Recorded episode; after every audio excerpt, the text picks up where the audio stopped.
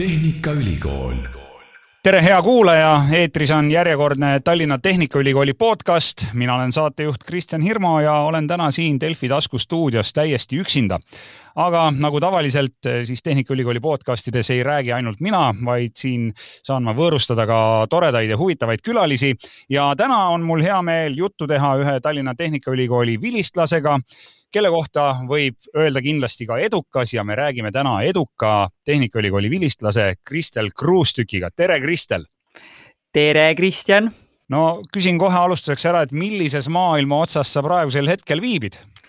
praegu olen täitsa siin äh, Tallinna külje all äh, Saku vallas, aga just paar kuud tagasi olin äh, Lõuna-Aafrikas näiteks. nii et endiselt maailmakodanik võin öelda, et elasin isegi sinu Aafrika seiklustele läbi Instagrami kaasa yes. aeg-ajalt.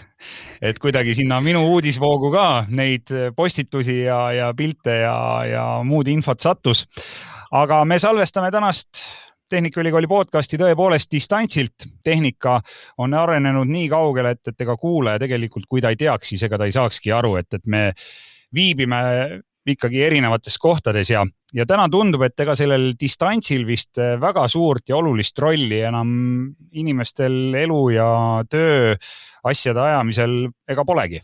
ei ole vist tõesti, et äh, et Testlio on äh, noh, minu ettevõte Testlio, mis siis äh, tegeleb rakenduste testimisega läbi oma globaalse testijate võrgustiku. et meie see tiim on olnud algusest peale ka selline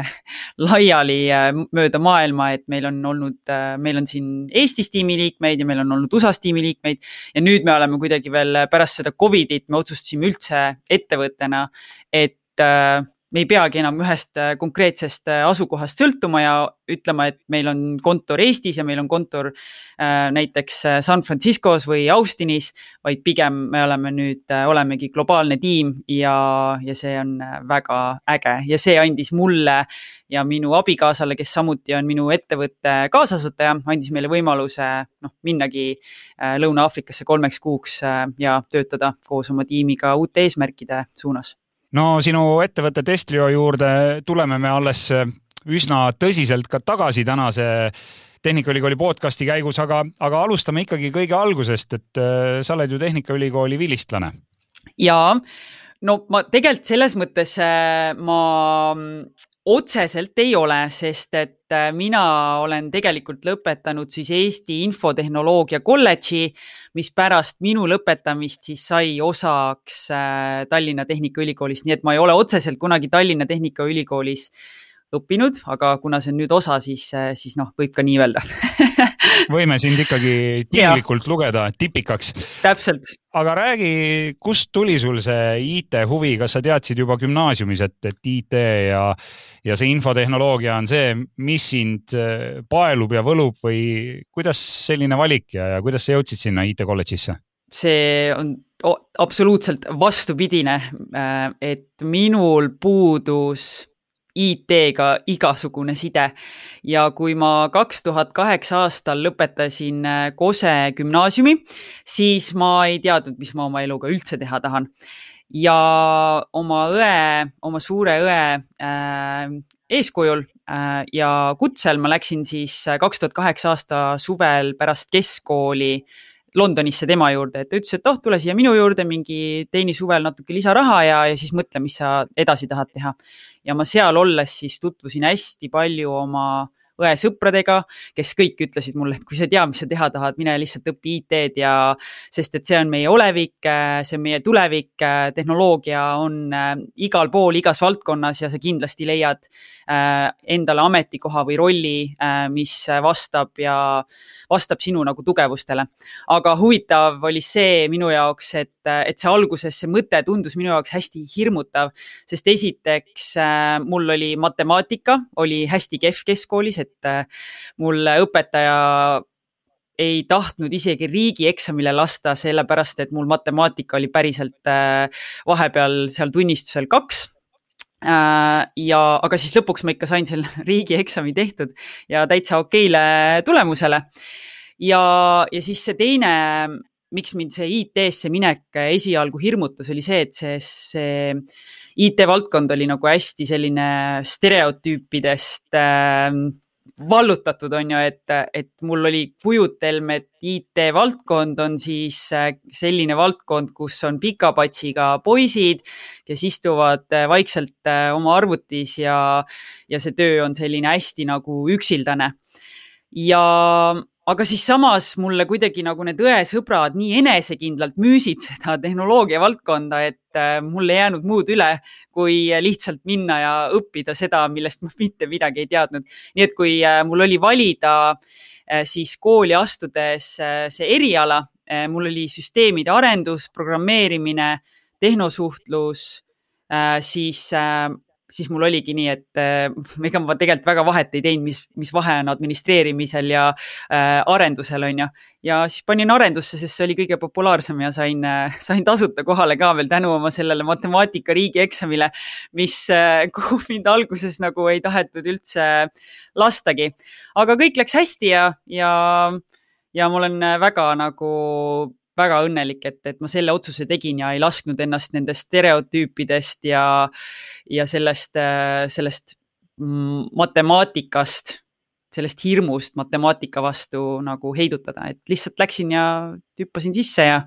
täitsa sain hakkama. matemaatika kusjuures sai mu üheks lemmikaineks ka äh, seal äh, kohe kiiresti aga sellest võime pärast rääkida ikkagi võib seda Londoni perioodi siis pidada selleks kõige suuremaks tõukeks, et sa valisid selle eriala, mida sa siis õppima hakkasid? absoluutselt, et tõesti minu see äh, minu see kokkupuude arvutitega oli selleks ajaks hästi minimaalne, on ju, et ma teadsin, kuidas mängida arvutimänge, ma teadsin, kuidas kasutada Office'it, on ju, ja sellega kõik see piirdus, et mind kunagi nagu ei huvitanud see, et mis töö seal taga käib, et neid, et ma saaks neid mänge, et ma saaks neid programme nagu kasutada. et nii huvitav no tegelikult siin varasemates episoodides on ka juttu olnud, et paljude jaoks IT ja kogu see programmeerimine tundub justkui no selline kosmiline ja, ja väga keeruline ja,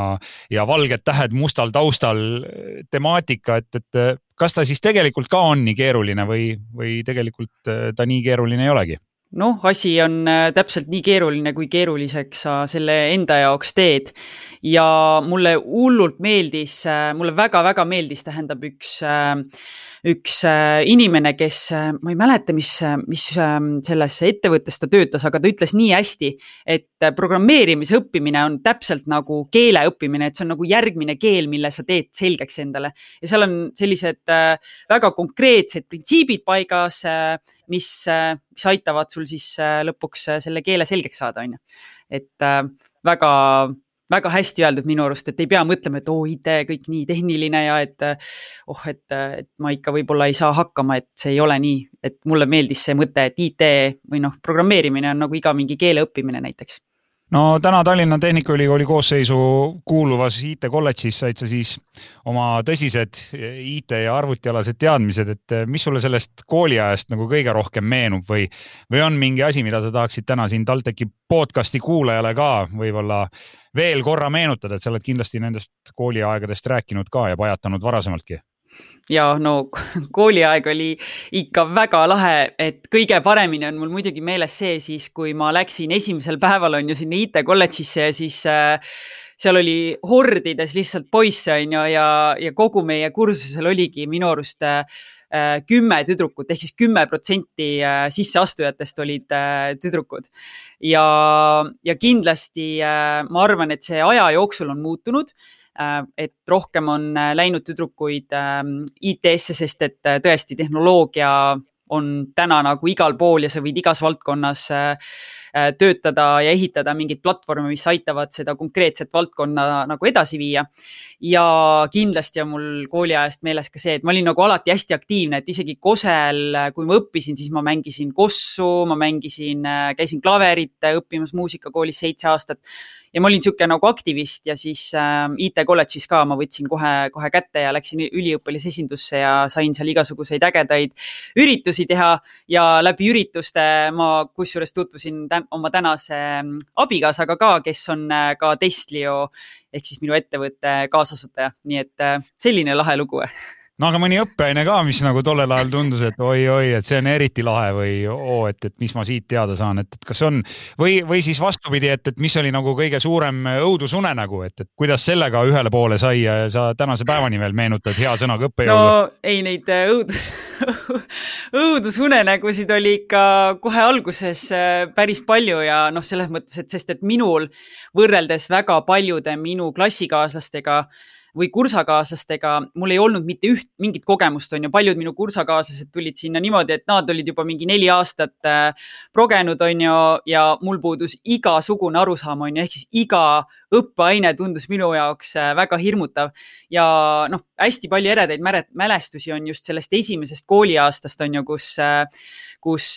noh, näiteks me saime väga palju ja intensiivselt õppida matemaatikat. Ja matemaatika vastu oli mul mingi tohutu hirm, on ju, sest et mul oli nagu kohutav kogemus äh, keskkoolis, kus ma olin selles lihtsalt nii halb enda arust, on ju. ja olin ka, no hinded ka näitasid seda, on ju. Aga siis, äh, siis äh, ülikoolis tuli minu õpetajaks Kristiina Hakk, kes on juba korduvalt olnud pärjatud selle aasta õpetaja tiitliga. Ja tõesti, see oli see koht, kus ma õppisin seda, et, et kui üks nagu strateegia ei toimi, siis mine proovi midagi teist. Ja matemaatika oli lõpuks selline, kus mina õpetasin teisi, on ju, ja see, see tunne, see, see edutunne oli nii lahe. Ja siis ma saingi aru, et, et vahet pole nagu, kui oskamatu ma olen, et kui mul on piisavalt tahtmist ja, ja, ja nii-öelda kirge, siis äh, see kõik on võimalik endale selgeks teha. kas sa juba ülikooli ajal teadsid, et sa tahad teha oma ettevõtte või, või millal see idee pähe tuli? ettevõtte ideed mul polnud endal mitte kunagi. Äh, minu, minu elukaaslane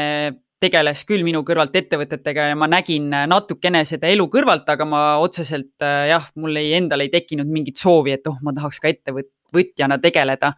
Pigem äh, esialgu mul oli oluline see, et ma leiaks endale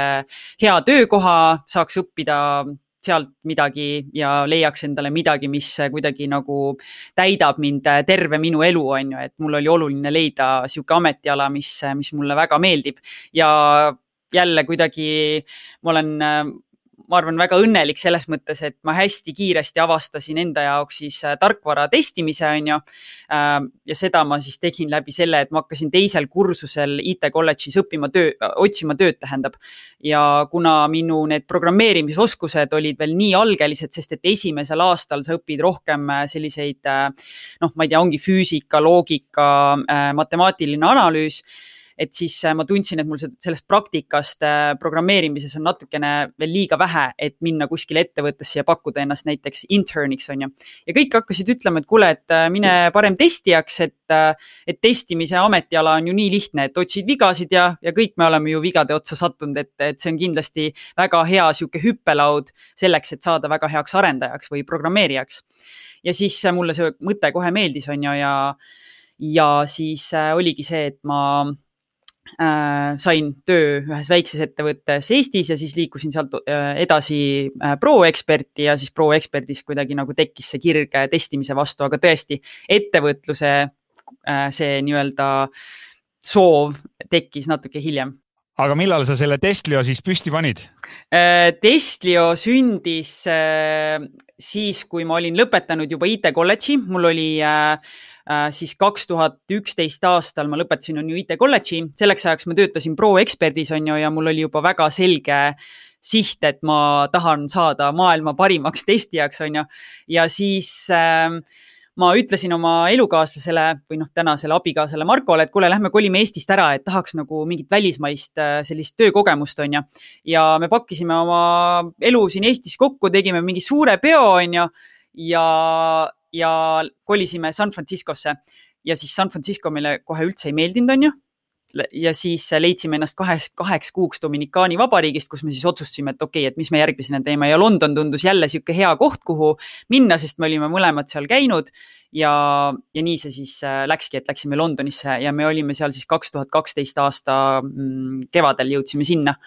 ja siis ma leidsin endale põhikohaga töö jälle ja selge oli see, et testimine on minu kirg, ma tahan saada parimaks ja selleks, et saada parimaks, on sul vaja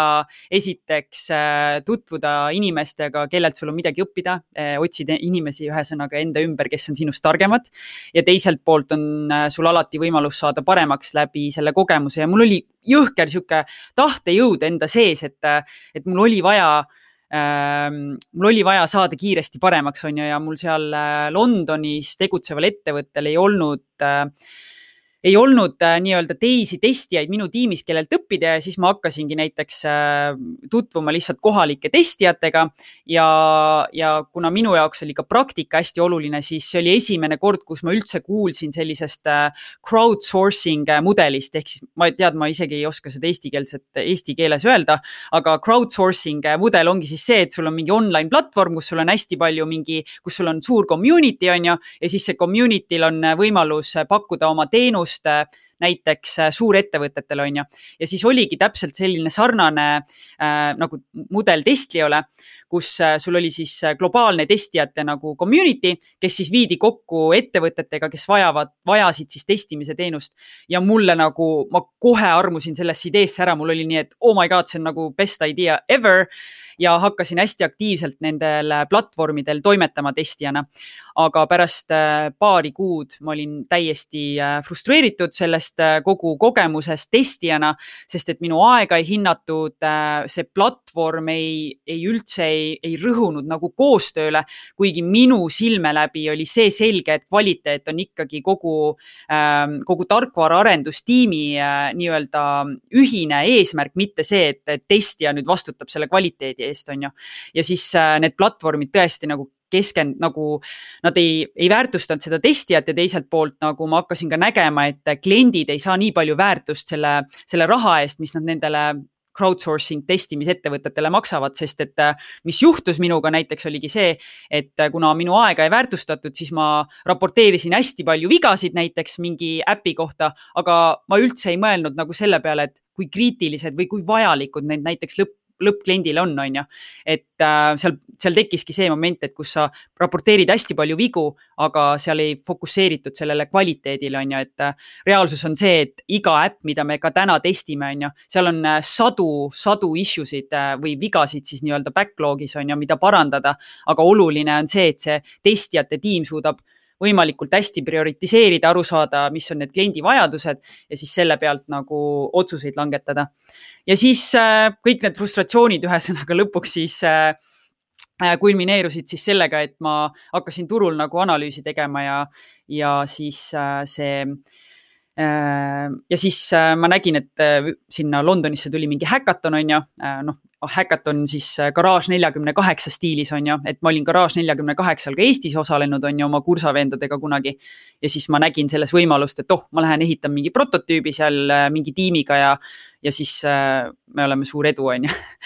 aga siis Markole hakkas lihtsalt see minu see säde seal silmades nii meeldima, et ütles, et kuule, ma, et tead, ma viskan ka oma projektid nurka ja ma tulen, teen sinuga selle, selle Testlio äh, nagu äh, reaalsuseks ja siis oligi nii, et äh, läksime kahekesti sinna ja the rest is history no see on vägev inspireeriv lugu, kui suur Testlio täna on, palju teil töötajaid on näiteks? meil on äh, täna siis töötajaid üle maailma üle saja äh, ja, ja meie võrgustikus, testijate võrgustikus on äh, rohkem kui kakskümmend tuhat testijat. nii et te kasutate siis nii-öelda sedasama, seda crowd jah, crowd mudelit, aga tõesti, meie oleme selle nimetanud, nimetanud Äh, või noh, kuna meie kontseptsioon on palju uudsem, on ju, me keskendume, on ju, platvormile, me keskendume testija kogemusele, me keskendume testijate nagu sellele väärtusele ehk siis nende ajale, siis äh, meie oleme selle nimetanud network, äh, network testing. ja, ja see on see, mis on nagu see Testlio tugevus ehk meie suudame testida oma klientide rakendusi igas keeles, igas asukohas, igal seadmel üle maailma kas olete ka mõnda Eesti ettevõtet testinud või mõnda Eesti rakendust, äppi? kusjuures äh, veel vist ei ole, aga sest, et kogu meie see müügisuund, müügifookus on hetkel läinud äh, USA turule ja põhjus lihtne, sest et äh, seal me tegelikult Testlioga ka nii-öelda selle hoo sisse saime ja siis see tundus selline loogiline nagu samm. aga kindlasti liigume Testlioga ka siia Euroopa poole, et me just palkasime ka endale siia Euroopasse äh, müügijuhi, kes siis äh, hakkab ka äh, nii-öelda tiimi ehitama ja ja siis vaatame, mis saab. no see on vägev, kui sul on sellised kliendid nagu Microsoft või Amazon ja, ja, ja, ja kuidas, kuidas nende klientideni jõuda, et äh, kindlasti oleks meie kuulajate hulgas ka palju neid, kes tahaks mingit äri püsti panna ja, ja saaks seda teenust müüa sellistele klientidele ja me alustasime väikestest klientidest muidugi on ju, et äh, sa ei saa kohe nende suurte, suurte klientide juurde minna ja öelda, et näed, nüüd mul on väga innovatiivne toode, et sa tead, et ka nende nõudlused, kogu see protsess, kuidas üldse sa lõpuks saad selle suure kliendi, on nagu nii pikk, on ju. aga me alustasime esialgu väikestest, äh, väikestest klientidest, kes kes olid nagu väga kiired oma otsuseid langetama, et oh, kuule, täna räägid ja homme juba hakkavad su toodet kasutama, on ju ja nende suurte klientideni me jõudsime tegelikult ka läbi müügiinimese. Ehk siis äh, meie ettevõttes on äh, töötanud aastast kaks tuhat neliteist äh, üks müügijuht, kes on, kes oli eelneva siis ka testimise ettevõtte nii-öelda töökogemusega ja tema, kui ta ettevõttesse tuli, siis äh, meie platvorm oli juba nii kaugele arenenud, et ta sai sedasama toodet, äh, seda Testlio toodet minna siis müüma nendele klientidele, kellega ta eelnevalt oli koostööd teinud, ehk siis kui te küsite, et äh, mida siis nagu teha, et neid suuri kliente saada, siis ma arvan, et üks võimalus seda teha on rääkidagi tegelikult, leida endale müügiinimene, kes on niisuguse selle valdkonna taustaga juba ja kellel on see kontakti, kontakt kontaktibaas olemas, sest seda meil üldse ei olnud sellel hetkel, kuna me läksime äh, USA-sse äh, üsna testi algusajal on ju, pärast seda, kui me Londonist äh, ära kolisime. Läksime ärikiirendi programmi ja siis noh, sealt hakkasime vaikselt oma kontaktibaasi ehitama, aga, aga see just sellise B2B või business to business ettevõtte puhul on hästi hästi-hästi oluline, et sul on need kontaktid ja, ja sul on see võrgustik inimestest, kes, kes saavad sind nendesse suurtesse ettevõttesse, ettevõtetesse äh, sisse, sisse nagu lasta. No aga räägi oma valdkonna tulevikust ka, et, et millisena sa seda näed või, või mis on teie enda ettevõtte tulevikusuunad, et mis seal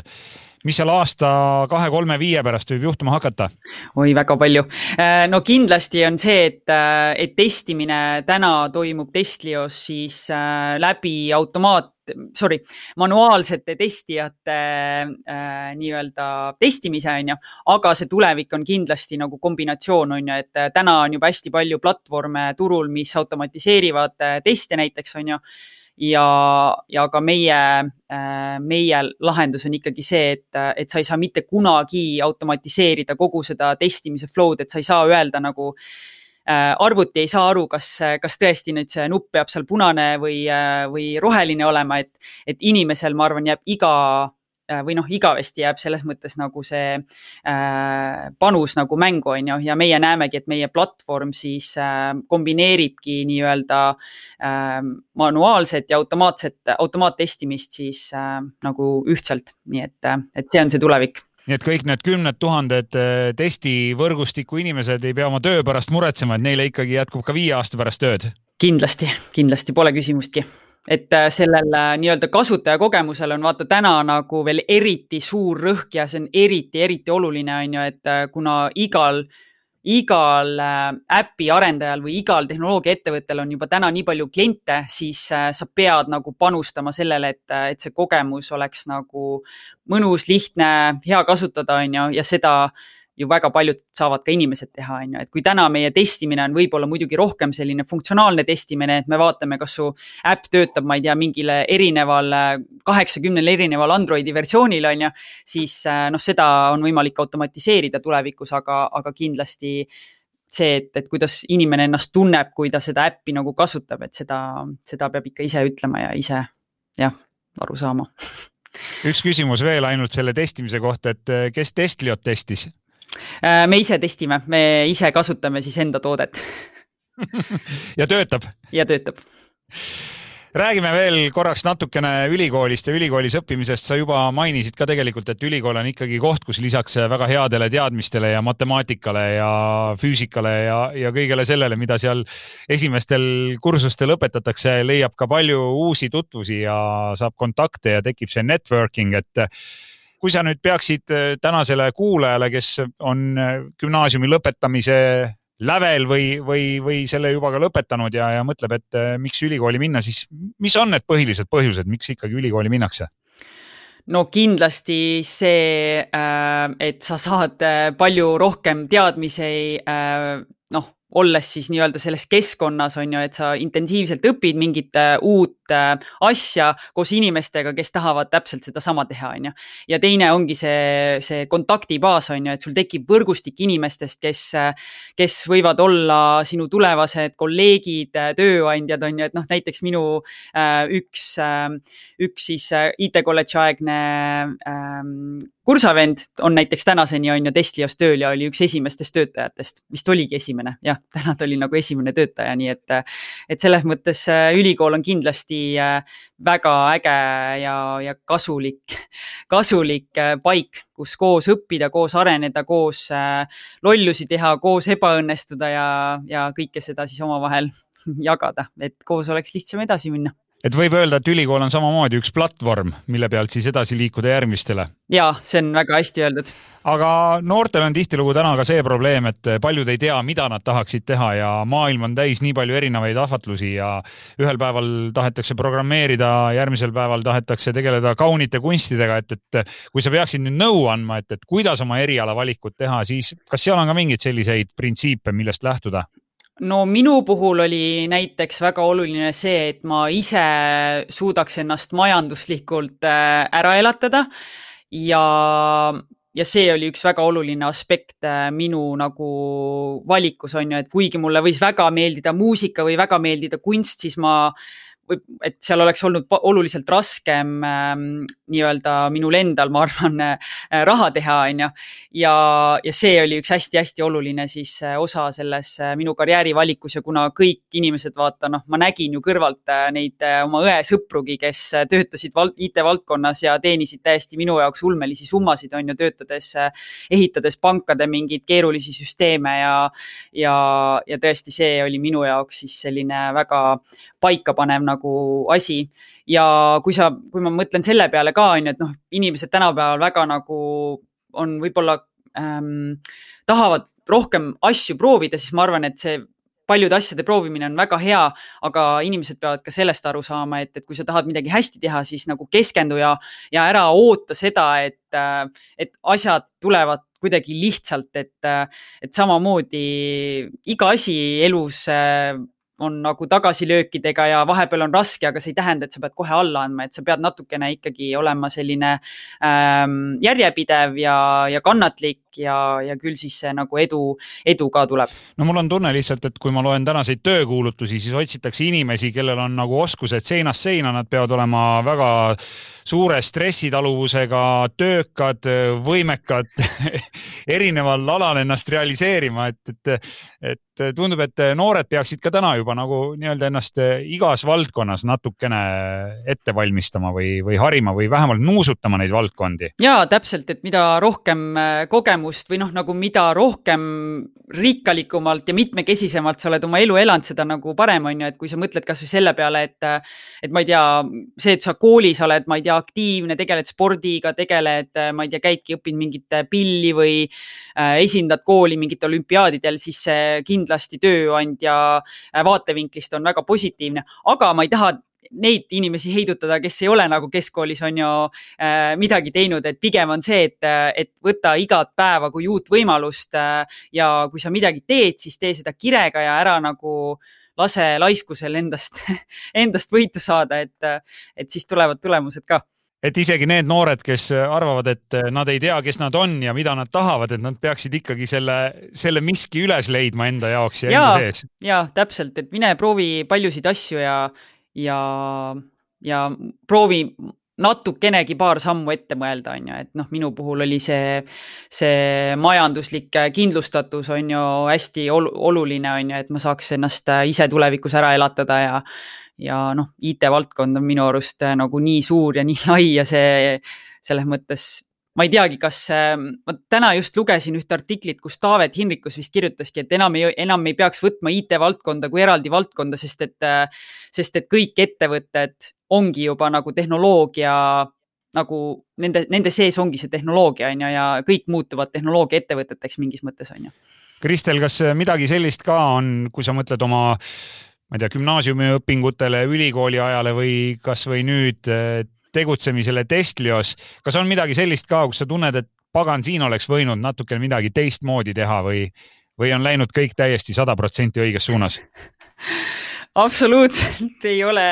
asju äh, õigesti läinud, et pigem, pigem jälle vastupidi, et ikka sellel eriti ettevõtlusteekonnal on äh, noh, väga-väga palju ebaõnnestumisi teinud, aga aga kui ma kunagi varem mõtlesin selle peale, et oi, ma oleks võinud seda teistpidi teha ja seda teistpidi teha ja seda teistpidi, siis nüüd ma olen leppinud sellega, et, et ma olen täna see, kes ma olen ja, ja ei ole mõtet nagu kahetseda seda, mis ma minevikus teha sain, et äh, nüüd tuleb lihtsalt keskenduda tulevikule ja, ja nii ongi. Ja vigu tuleb alati teha ja muidu, muidu ei õpi, vaata aga neid tuleb ise teha, teiste vigade läbi ei saa õppida. see on väga hea soovitus ja ma usun, et eh, nii kuulajad kui ka mina pean, Kristel, sinuga nõustuma suur,. suur-suur tänu sulle, Kristel Kruustükk. aitäh! sinuga oli väga mõnus ja väga lahe vestelda ja loodetavasti sinu jutt mõjub ka inspireerivalt nüüd neile, kellel on ees koolivalik ja miks mitte otsustada Tallinna Tehnikaülikooli ja ka IT-kolledži kasuks soovin sinu ettevõttele Testlio edu ja rohkelt teste. super, suur aitäh, neid, seda läheb vaja. ja aitäh sullegi, kes sa kuulasid ära tänase Tallinna Tehnikaülikooli podcasti. selle leiab üles ka Delfi taskulehelt tasku.delfi.ee ja lisaks ka Spotify'st, SoundCloudist ja iTunesist. mina olen Kristjan Hirmu ja aitäh kuulamast.